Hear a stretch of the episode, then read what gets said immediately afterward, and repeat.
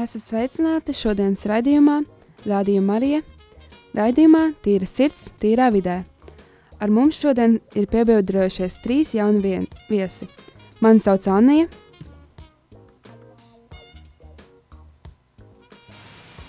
Un ar šodien mums ir, mums ir Arnolds, uh, skolotāja Antra un vēstures skolotājs Artūrs no Rīgas valsts vācu ģimnāzijas. Un šodien šis skolotājs ir ieradies pie mums, lai kopā mēs parunātu par ekonomiku un vēsturi. Skolotāja Artur, lūdzu iepazīstiniet mūs ar klausītāju. Uh, labdien!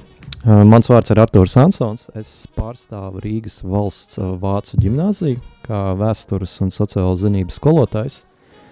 Un, uh, mana mana teiksim, kompetence ir uh, mācīt bērniem par vēsturi pamatskolā, uh, no seniem laikiem līdz jauniem laikiem. To skaitā arī ļaut viņiem izprast, kā funkcionē teiksim, valsts ekonomika no seniem laikiem līdz mūsdienām, un īpaši arī kas attiecas uz finansiālas izglītības lietām, kur būtu budžets, daudz kas cits iekšā, inflācija, investēšanas lietas un daudz kas cits, kas tam tā vārda apakšā slēpjas, lai tādējādi viņiem būtu labāka izpratne par vēsturiskiem procesiem, piemēram, par lieliem geogrāfiskiem atklājumiem, dzimbūšanu un tam līdzīgi, jo tas viss ir saistīts. Prieks iepazīties, un kā jums visiem šodien iet? Man, labdien, te Antra atkal. Uh, nu, es domāju, ka man ir prieks, jo uh, es uh, skolotāju Artūru iepazinu ļoti interesanti. Jūs pat nevarētu iedomāties, kur. Mēs neesam bijuši vienā skolā strādājuši, mēs neesam bijuši pa kopējos pasākumos, bet mēs katru dienu braucam no Tukuma ar vilcienu. Un jaunajā Vivī vilcienā tā mēs arī reiz iepazināmies. Un radās ideja skolotājiem stāstīt par savu skolu, par ģimnāziju un uzaicināja arī atnākt uz rādio. Jā, laikam tā bija tāda laba iespēja uzzināt, ka Rīgas katoļu ģimnāzijā vispār eksistē rādio, jo es pat iepriekš nezināju. Tiklīdz padzirdēju par tādu opciju, man liekas, nu, tas ir jāizmanto. Jā. Un kā tur pārējiem iet? Kārlīt, tu šodien pie ruļļiem, kā tev tur iet? Uh, man iet labi, pagaidām. Singls sākumā nebija, mēs gaidījām. un, un mums vēl viens jauns biedrs ir šodien, lūdzu. Um, jā, labdien, es esmu Adrians, un uh, šodien rādījām arī uz pirmo reizi. Un, uh, jā, šoreiz intereses pēc atnākt, kāds, uh, kāds notiek. Un, jā. jā. Skolotāja Artūra, vai jūs varētu nedaudz pastāstīt, kā jūs nokļuvāt līdz šādai darba izvēlei, un kā jūs kļuvāt tieši par vēstures un ekonomikas skolotāju? Uh, tad mazs precizējums. Es neesmu gluži ekonomikas skolotājs, bet uh, es mācu sociālās zinības uh, pamatskolē, 8. klasē. Um, un kā es uh, nonācu līdz skolotāja amatam, nu, tur ir diezgan garš stāsts. Mēģināšu to tā īsumā pārvilkt, lai mums laiks atliek arī daudz kam citam. Nu, Latvijā valsts, valsts, uh, valstī trūks skolotāji. Uh, bieži vien studenti pēc studijām nezina īsti, ko viņi grib, un viņiem tad piedāvā teiksim, uz puslodes pastrādāt, pamācīt, kamēr viņi atrod, ko viņi patiešām grib. Man bija līdzīgs ceļš, kad uh, man pēc studijām bija doma varbūt iet strādāt kādā ministrijā, bet kamēr mācījos maģistrantūrā, tajā laikā bija vajadzīga opcija arī atrast puslodes darbu, uh, kas iekrita skolā. Un, uh, skolā iepatikās tas fakts, ka tu varēji mācīt. Es nezināju, ka man ļoti varētu iepatikties tas, uh, ka tevī priekšā stundā sēž ļoti daudz skolnieku. Zinkārīgi skolnieki arī nevienmēr forši, nevienmēr viss, kas ir patīkams, bet uh, galvenais, ka ir forši ziņātkāri un, un patīkams personas, kurš vēlas uzsūkt no tiem kaut kādas zināšanas. Un tas process pats par sevi likās tik labs, ka es atmetu ieceri iet uh, par ierēdni, mācīties tālāk daudz ko citu un palikt līdz ar to skolā. Un tā kā es pabeidzu vēsturi uh, universitātē, tad, tad man vajadzēja iziet pāris kursus, man liekas, vēl tikai, lai tur varētu mācīt pedagoģiju. Tad uh, es paliku arī strādāt skolā. Tāds arī būtībā nonāca. Ļoti interesants stāsts. Un turpinot runāt par tieši mācīšanu, kāda ir jūsu tā teikt, metode mācot skolēnus? Nu, laikam teikt patiesību, lai cik viņa nebūtu skarba, Un viena no tām patiesībām ir, laikam, ko varētu uzsvērt, tas, ka bērniem ir kaut kas jāzina 21. gadsimtā par naudu. Ja viņi to nezinās, viņi ļoti cietīs tāpēc, ka mūsu pasaule strādā kapitālismā, 21. gadsimta informācija tehnoloģijas ir, un varbūt kā tu pat vidusskolā jūti, ka, uh, ka tu audz tajā vecuma posmā no 16, 18 gadiem, tev liekas, ka man tūlīt būs mans, mana, mans diploms, es iešu augstskolā, bet tāpat ir tāda maza kņada iekšā tevī, kas saka, bet ja nu, bet ja nu es tiešām vēl visu nezinu, kā ko, kāpēc, tie jautājumi apkārt. Un bieži vien tie ir tāpēc, ka skolniekiem un cilvēkiem nav īsti izpratnes par finansēm, kas vispār dzīvē ir jādara, lai cilvēks varētu kļūt turīgāks. Un, un, un, un, nu, tas būtu tas, tas, ko es mēģinu varbūt iepīt vēstures stundās arī iekšā, bišķi saprast, lai viņi dziļāk to ekonomiku izprot. Kāpēc par uh, cilvēku vēsturē darījuši verdzību, kāpēc cilvēki ir nodarbojušies ar lieliem geogrāfiskiem atklājumiem, kāpēc ir piemēram akcijas sabiedrības radušās, kāpēc ir piemēram industriālā revolūcija aizsākusies. Tur daudz ko no ekonomikas ir iepītiekšā. Ja?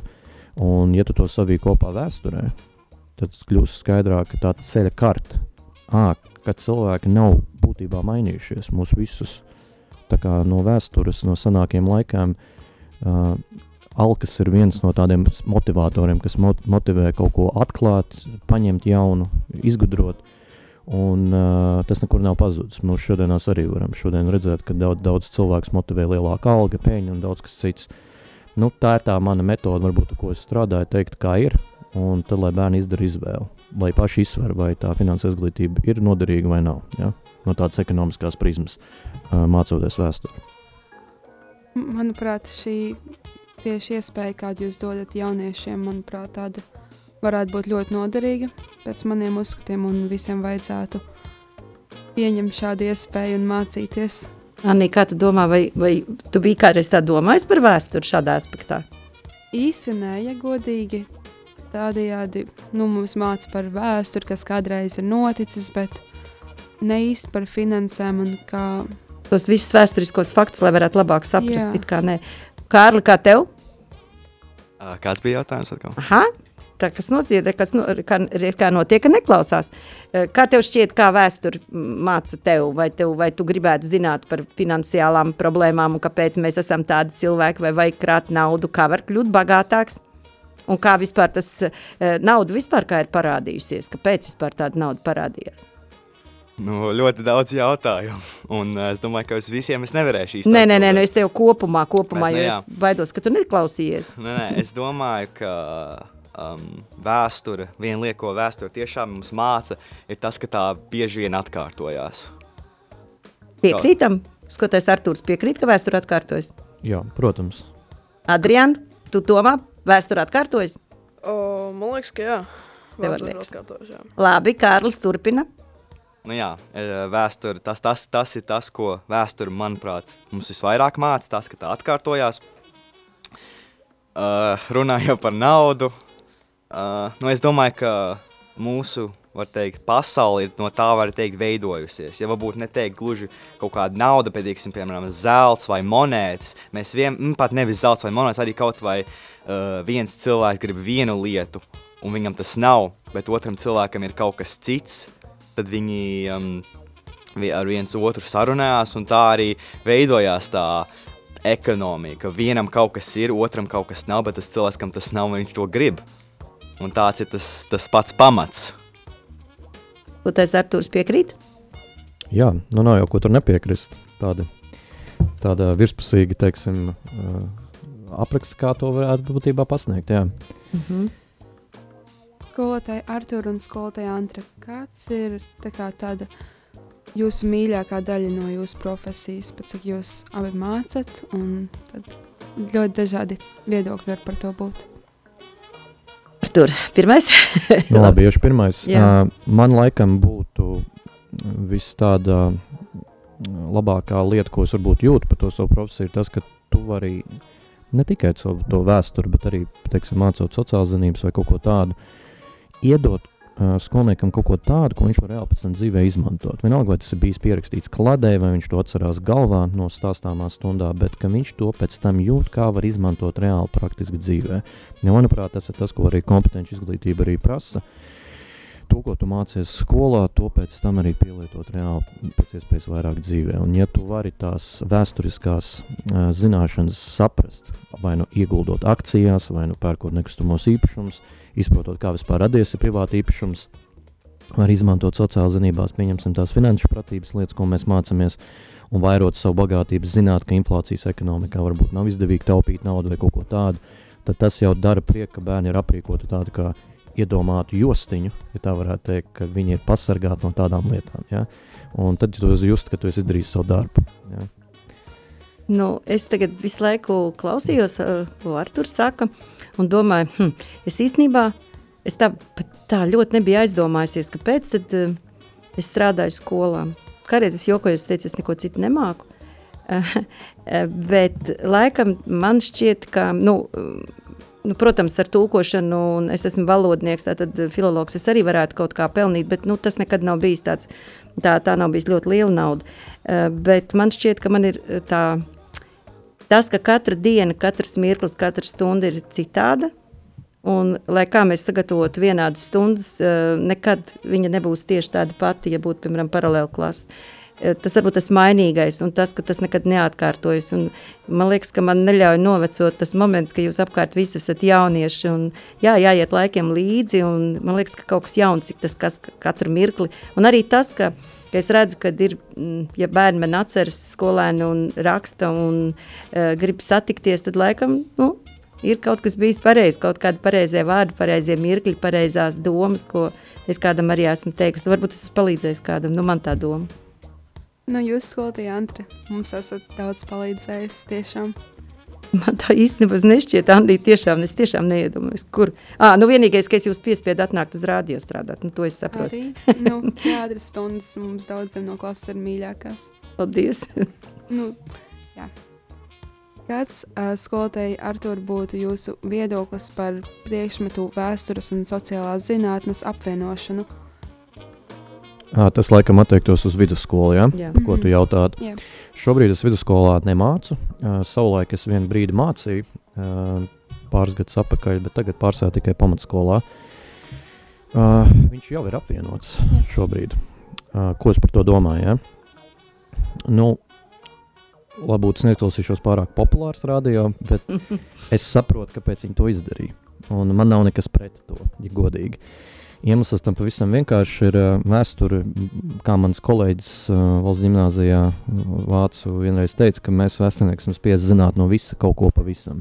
Nu, tas būtu nozīmē no tiesībām, no ekonomikas, no politikas, vienalga no kariem, no militārām lietām. Un, nu, ja tā godīgi ir jau iemesls tās vēsture tam sociālām zinātnēm buška apvienot tomēr kopā, lai kad māci vēsturi, lai tu paralēli varbūt saprastu jurisdikciju, apgaismības laikmetā, to domāšanas maiņu uz 19. gadsimtu, vai varbūt to ekonomiku pārēju no merkantilismu uz kapitālismu vai kaut ko tādu. Ja? Tas kā, iet roku rokā. Jautājums, kā to pasniedz? Ja skolotājs jūt, ka viņš to nevar pasniegt, tādi mētājoties no vēstures, tad uz ekonomiku, tad uz politiku, tad uz tiesībām man nav nekas pret, ja skolotājs saka, es gribētu mācīt tikai tīru vēsturi. Lūdzu, kāds cits pamāciet to, tos papildu priekšmetus sociālās zinībās uh, skolniekiem no jūsu puses, tiem kolēģiem.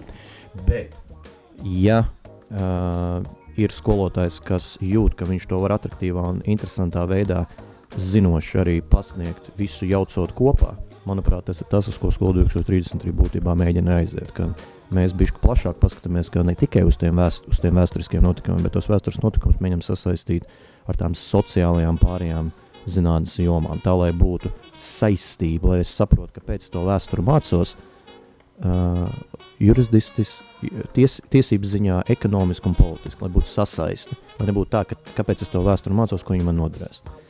Ja to var izdarīt kāds skolotājs, tad man prieks par to. Jā, nī, tad, kad es mācījos, mēs mācījāmies pilnīgi savādāk. Tad, tad mums bija vēstures, tie fakti, un tad bija eh, mazliet ekonomika, man liekas, vidusskolas posmā eh, sabiedrības mācība.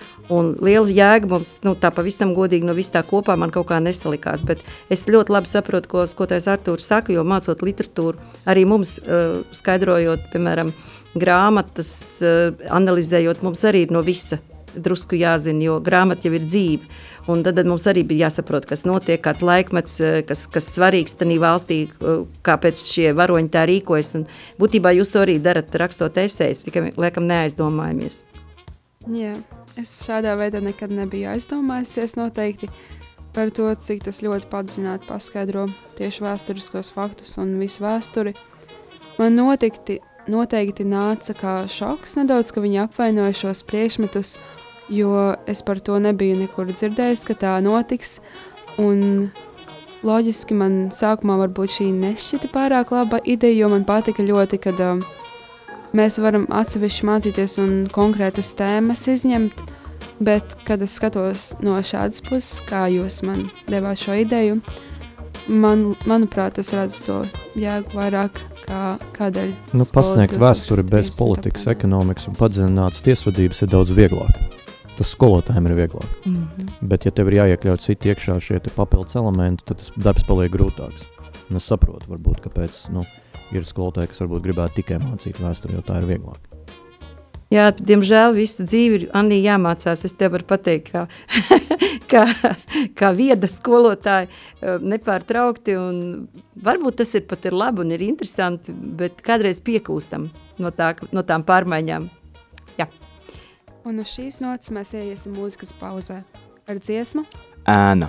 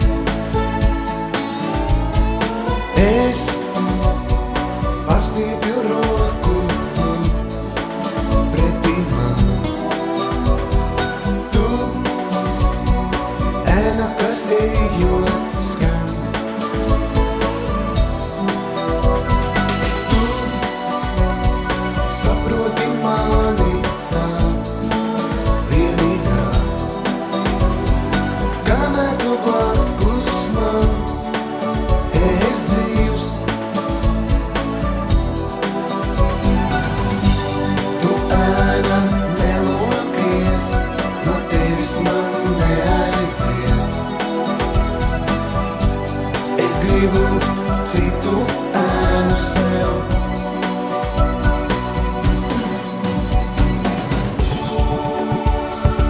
Ēna ir divdimensija vizuāla parādība, kas ir reāli atspoguļo tevi ar visām tavām koplībām, vājībām un vērtībām uz planētas virsmas vai apkārtējiem priekšmetiem. Ēna ir bez garšas, nesataustāma They don't let.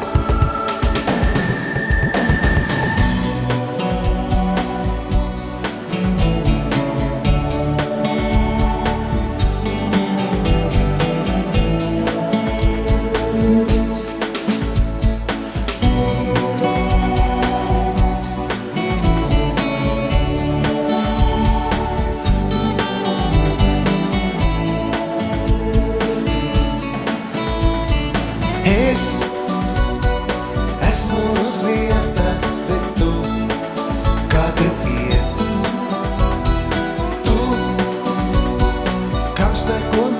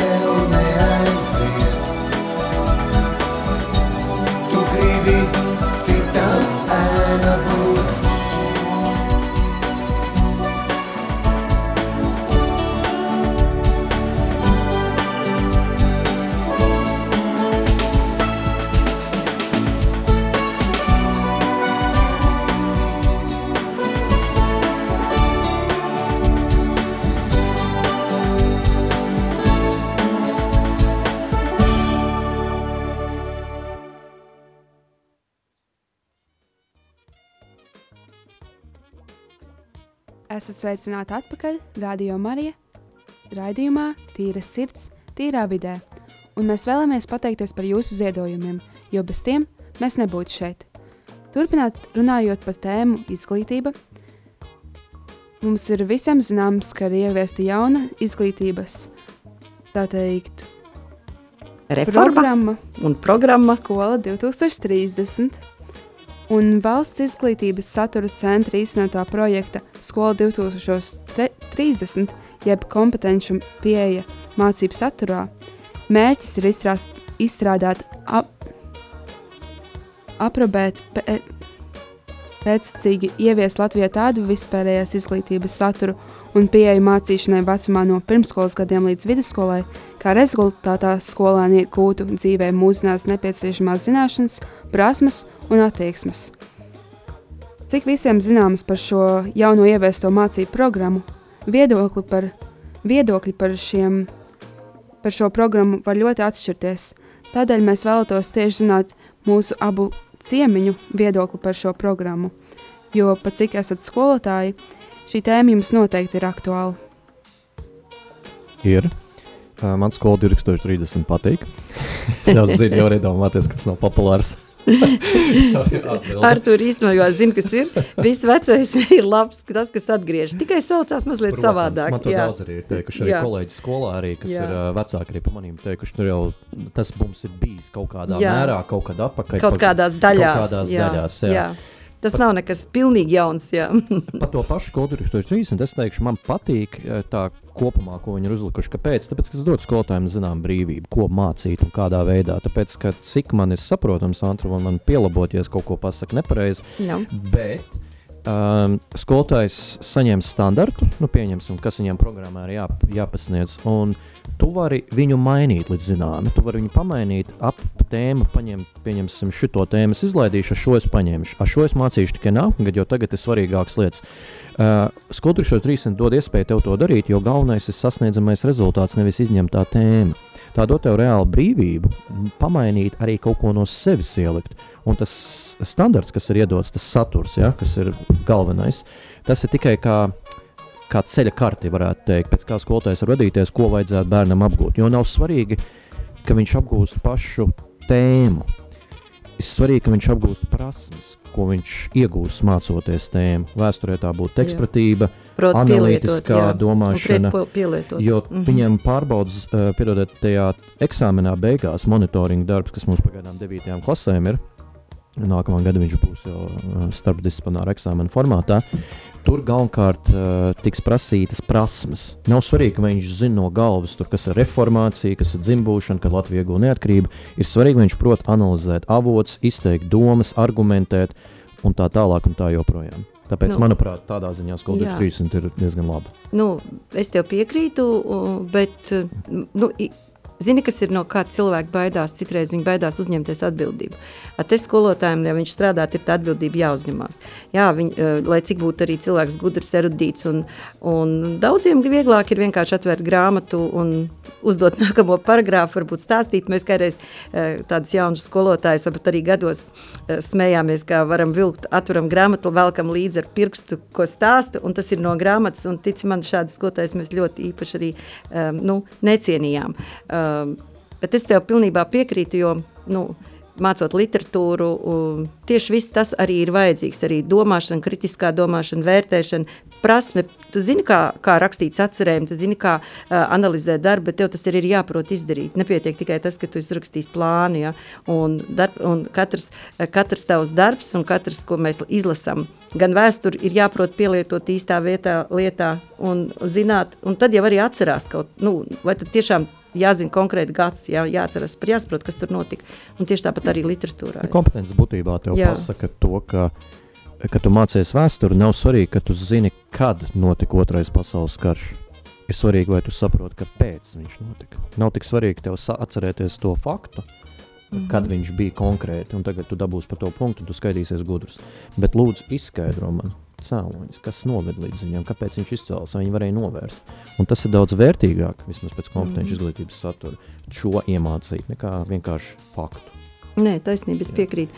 Nu, un skolotājiem, kā vienmēr, ir ļoti daudz jāmācās pašam.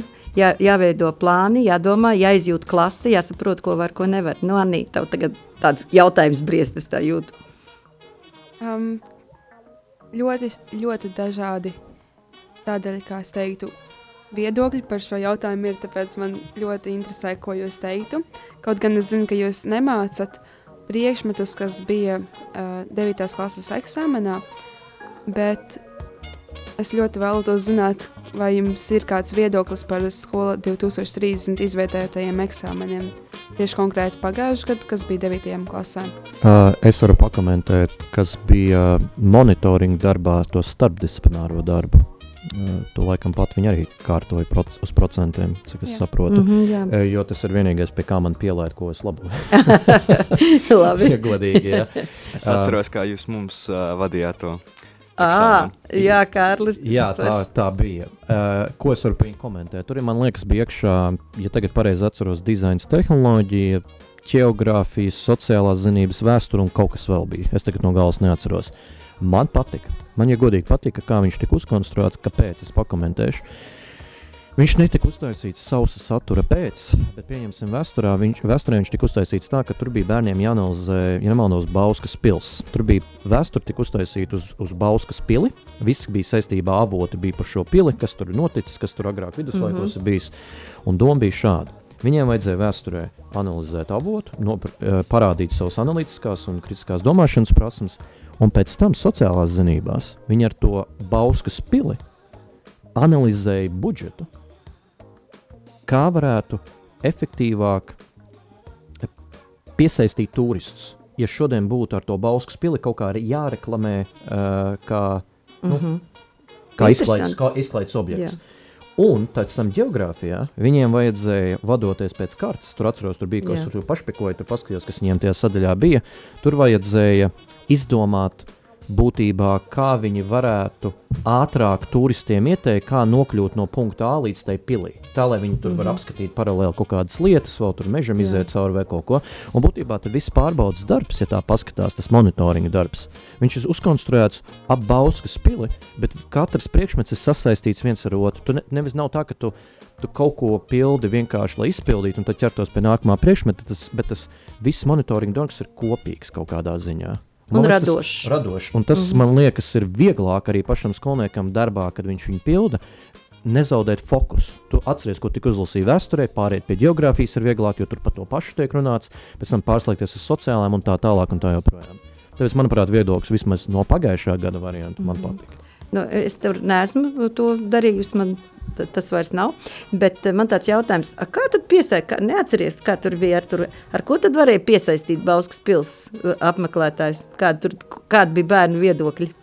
Uh, nu, viņi ieteica gada tirdziņus rīkot. Ah. Uh, viņi ieteica, varbūt tur kaut kādus šovus taisīt, kas tur masku balēm kaut ko tādu. ir, Ja? Mhm. Uh, populārākā lieta bija tie gada tirdziņi, tāpēc ka tas bija arī minēts, ka tas viduslaikos arī bija noticis. Interesanti pie, pie tās pilsētas. Mhm. Mm -hmm.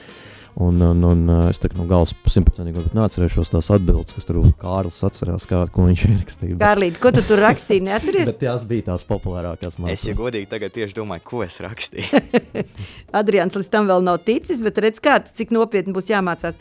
Bet es domāju, ka, bet, ja cilvēks nav radošs, ja tomēr ir cilvēki, kuri tādi ļoti no punkta A līdz punktam B mācās, vai viņam tad nav viegli vai grūti? Man liekas, ka viņam būtu grūtāk, jo šeit ir radošums, jā, jā, jā, nu, prasmes un radošums jāpielieto tādos darbos. Nu, vienkārši tev jādomā, tu pildi darbu un domā līdzi. Mm. -hmm. Un domāt daudz negrib. Daudz vienkārši izpildīt un iet projām. Nu, Nē, nu jā, nu tā ir. Tā ir tā, ne, vis, vi, nu, šodien naudu tirgu, darba tirgu maksā par tiem cilvēkiem, kas prot domāt. Tev ir jāprot domāt. Par to arī, peln, to arī, uz to arī sit lielās kompānijas. Kāpēc tās kompetences ir ieviestas? Kompānijām vajag radošs, domājošs darbinieks. Nevis robotus, kas uh, pilda tikai Nu, jā. uh, datorā ievada to. Viņiem vajag, lai jūs protat izteikt savu viedokli, viņiem vajag, lai jūs protat analizēt, argumentēt, kompāniju noturēt uz pēc iespējas stabilāk šajā te, nu, posmā, kur ekonomika iet uz augšu un uz leju. Uz leju. Un tāpēc tā domāšana ir vajadzīga. Jums ir nav jābaidās no domāšanas būtībā, tas, ko kompetence mēģina jums Un iemācīt. tas nu gan ir jauns, kas manā laikā, kad es skolā mācījos, nebija. E, Mēs baidījāmies kļūdīties. Tagad kļūdīties atļauj. Un Tāpēc, uz šitiem, jā, kļūdām mēs varam bail, mācīties. tu- Jā. Mhm. Tavs viedoklis vai doma neskritīs ar skolotāju. Agrāk, jā, Jā. no tā varētu tas būt. Viss. Jā, manuprāt, kad uh, visos priekšmetos vajadzētu tā, ka ir arī radošā puse, tā kā viss sajaukts kopā, jo, manuprāt, nu, cilvēku mēs nevaram īsti saukt par gudru, ja viņš, piemēram, dabū kontroldarbā desmit, tai pašā vēsturē, un ja tur nav tā kā radošums, viņš vienkārši kā robots visu izpilda, un, manuprāt, ir tā kā jāmācās tā atvērtāk un jāskatās tā arī no radošās puses. Un, protams, ne visi cilvēki ir radoši, bet to jau mēs varam attīstīt. Mēs varam mācīties un trenēt sevi, lai dabūtu labākus rezultātus. Jo nu, bez tā mēs jau nevaram tā teikt, būt Un gudri. Kurānī pasaka to, ko Jā, skolotājiem, lūk, kur mājas darbs ir. Viņam Jā. ir jātaisa tie uzdevumi. Nē, nu ir jātaisa. Nu, ir jādomā, liela, jā. liela varbūt daļa to negrib darīt. Grib jau Nu, negrib. Jā, Nu, tu- man tagad vispār- ir darbs, darbs mums, jā, ka mums ir tas jātaisa, jo Jā. mums ir jāsaprot, ko mēs gribam jums izspiest laukā. Jā. Tas nav tas vieglais darbs, jā. Daudzi varbūt, kas klausās radio, varētu teikt, bet man par to nemaksā, jā, pietiekami. Nu, jā. Nu, tāds- skolotājiem nekad tāds- nav tāds ir samaksāts tas par darbs, to. Jā. Par visām ekskursijām, vieglāk pasākumiem, jau ir zvaniem. uztaisīt, un- ka tu AB vai kaut ko nu, tādā Tad ziņā. to nebūs. Es domāju, ka šeit nu, cilvēks, lai būtu radošs un lai viņš galvenais, lai būtu apmierināts pats ar sevi, svarīgi, jo, protams, ir jā, ka mums ir finansiāls stāvoklis par to, ko tu strādā, ka tu saņem, ka tas tev apmierina. Bet es nezinu, vai ir cilvēks, kuram darbs, tas, tas, ko viņš dara, nepatīk, vai viņš ilgstoši varētu strādāt tikai naudas dēļ. Es nevarētu. Es saku, ka nē. Es esmu pamēģinājis. Es esmu aizgājis no skolas uz zāļu firmu un ā, krāpējis zāles un saņēmu ļoti labu naudu 90. gados. Trīs gadus izturēju. Citu, man, eh, es, kad veidoju agrāk biznesu, mums pateica, kas ir ideāla darba formula. nu, Un tur grib dzirdēt, gribu. nē, Jā, man patika viņa. Ja tu vari ielikt ķeksīšu četrās kategorijās, es to viņus nosaukšu, tad tev ir ideāls darbs. Apsveicu, tu esi ideālā darbā, kurā lielākā daļa cilvēku nekad nenonāks. Jo viņi nevar gandrīz ielikt visos četros, ja tu esi godīgs pret sevi. labi. Un tie Sāc. četri kriteriji ir šādi. Tev apmierina alga, tu negribi vairāk. Tev, piek, tev ir, tad tu liec ķeksīt. Otrs ir, tev patīk tas, ko tu dari. Tu varētu to darīt arī pa velti. Ja alga pēkšņi pazust. Trešais, tev apmierina gan priekšniecība, gan darba kolēģi. Ja tu vari ielikt abiem diviem iekšā, tad tas ir vēl viens trešais ķeksīts. Tikai esat godīgi pret sevi. Ja? Uh -huh. Un pats pēdējais, tu vari kontrolēt savu laiku. Tu vari strādāt tad, tad varbūt tad ņemt brīvu. À, tad varbūt uz dēlu hokeja maču aizbraukšu, tad varbūt ar sievu tur, un tad turpināšu atkal strādāt. Tu vari salikt šos četrus ķeksīšus iekšā, apsveic, tev ir ideāls darbs. Un es varu garantēt, ka lielākajai daļai jūs nevarat ielikt vairāk par trīs. Nevaram, tāpēc, ka mēs, piemēram, ja man, ja man viss arī patiktu, un, un labi, es varētu pat, un mēs daudz ko arī darām bez Un naudas. mēs ar bērniem sociālajās tieši mācāmies. Jā. Uh, kā var, ko ir jādara šajā dzīvē, tu varētu būt visus četrus. Bet paklausies, bet kā tad mēs skolotājs var ielikt pēdējā to ķeksīti, ka es varētu aizbraukt kaut kur, atpūsties un var strādāt vai strādāt tik, cik gribu. Nu, nesanāks. Tas mums Skolotāji nevar nesanāk. kontrolēt savu laiku. Jā, mēs jā. nevaram. Mm. Bet tas nenozīmē, ka ar trim vai diviem ķeksīšiem ir nu, slikts Nē, nē, darbs. nē. Es vienkārši saku, ka tā Mhm. būtu ideāla darba uh, definīcija. Ja? Kas, par ko ir vērts varbūt aizdomāties. Anī, vai tu esi padomājis, ko tu gribēji strā kādreiz strādāt? Nu, tā vismaz uz vienu pusi, uz kuru pusi. Nu, man ir tāda ideja kaut ko saistīt ar psiholoģiju. Mm -hmm. Man ir tāda vienkārši personīga interese. Es esmu sākusi lasīt dažādas lietas un skatīties arī dažādus žurnālus, video par to. Un man patīk šī novirze, bet es nezinu, vai tā būtu kaut kas tāds, ko es arī gribētu saistīt ar sevi.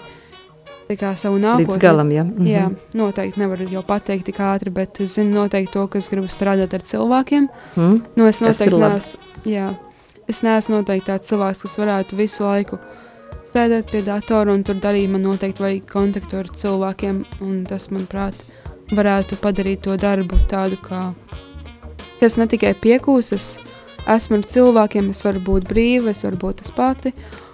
Un Radoši. palīdzēt mm. Citiem. Tas Jā. Noteikti ir mans tā kā, lauciņš, ko es vēlos darīt. Un noteikti, pat ja man tas manā profesijā neiekļausies, tieši palīdzēt, tad es darīšu to kā ārpus darba, jo nu, es bez tā nevaru iztikt. Skaisti. Un Kārlis, ko saka? Nu, es gribu ar uh, kino kaut ko darīt. À. Un Andrijāns, tu jau vēl, tev vēl daudz jāmācās, bet nu nekas. Nu, kaut ko es laikam sācu domāt. Īsti nezinu par ko, bet, nu, jā. Labi, bet es, man ir jautājums Artūram tāds. Ja tu nebūtu vēstures skolotājs, ja nebūtu šī opcija, par ko tad tu gribētu būt? Vai varētu? jautājums. Um, esmu par to ilgi domājis. Es, ja godīgi, nezinu. Nav tāda plāna B. Arī labi. Tad mēs zinām, ka būs vēsture no Man Artūra. ļoti patīk arī astronomija. Varbūt, ja es būtu Mhm. ātrāk skolā sapratis, kur fizika un matemātikas būtu varējis pielietot dzīvē. Varbūt es būtu aizgājis kļūt par astronomu mācījies. Jā, no fizikas vienīgo, ko es īsti labi sapratu, tā bija mehānika. nu, tā, un tādas praktiskākas Bet lietas. tad es jā. nebūtu Mhm. skolā mācījis vēsturi un Nē, finanses. tas būtu, tas, tas būtu slikti, jā, jā bet nu, mhm. Tieši tāpēc mums ir jāmācās visi priekšmeti, jo jūs nekad nevarat zināt, kas palīdzēs nākotnē. Jo šīs tomēr izvēles un visi tie ceļi, jo- kā sakristojas, viņi var visu laiku mainīties, un tu nekad nezināsi, kas te var beigās sagaidīt. Un tādēļ es domāju, ka uz šīs nots mēs arī beigsim šo raidījumu. Paldies visiem klausītājiem, ka jūs klausījāties, un tiekamies nākamā otrdienā. paldies, uz redzēšanos! Visu labu! Visu labu!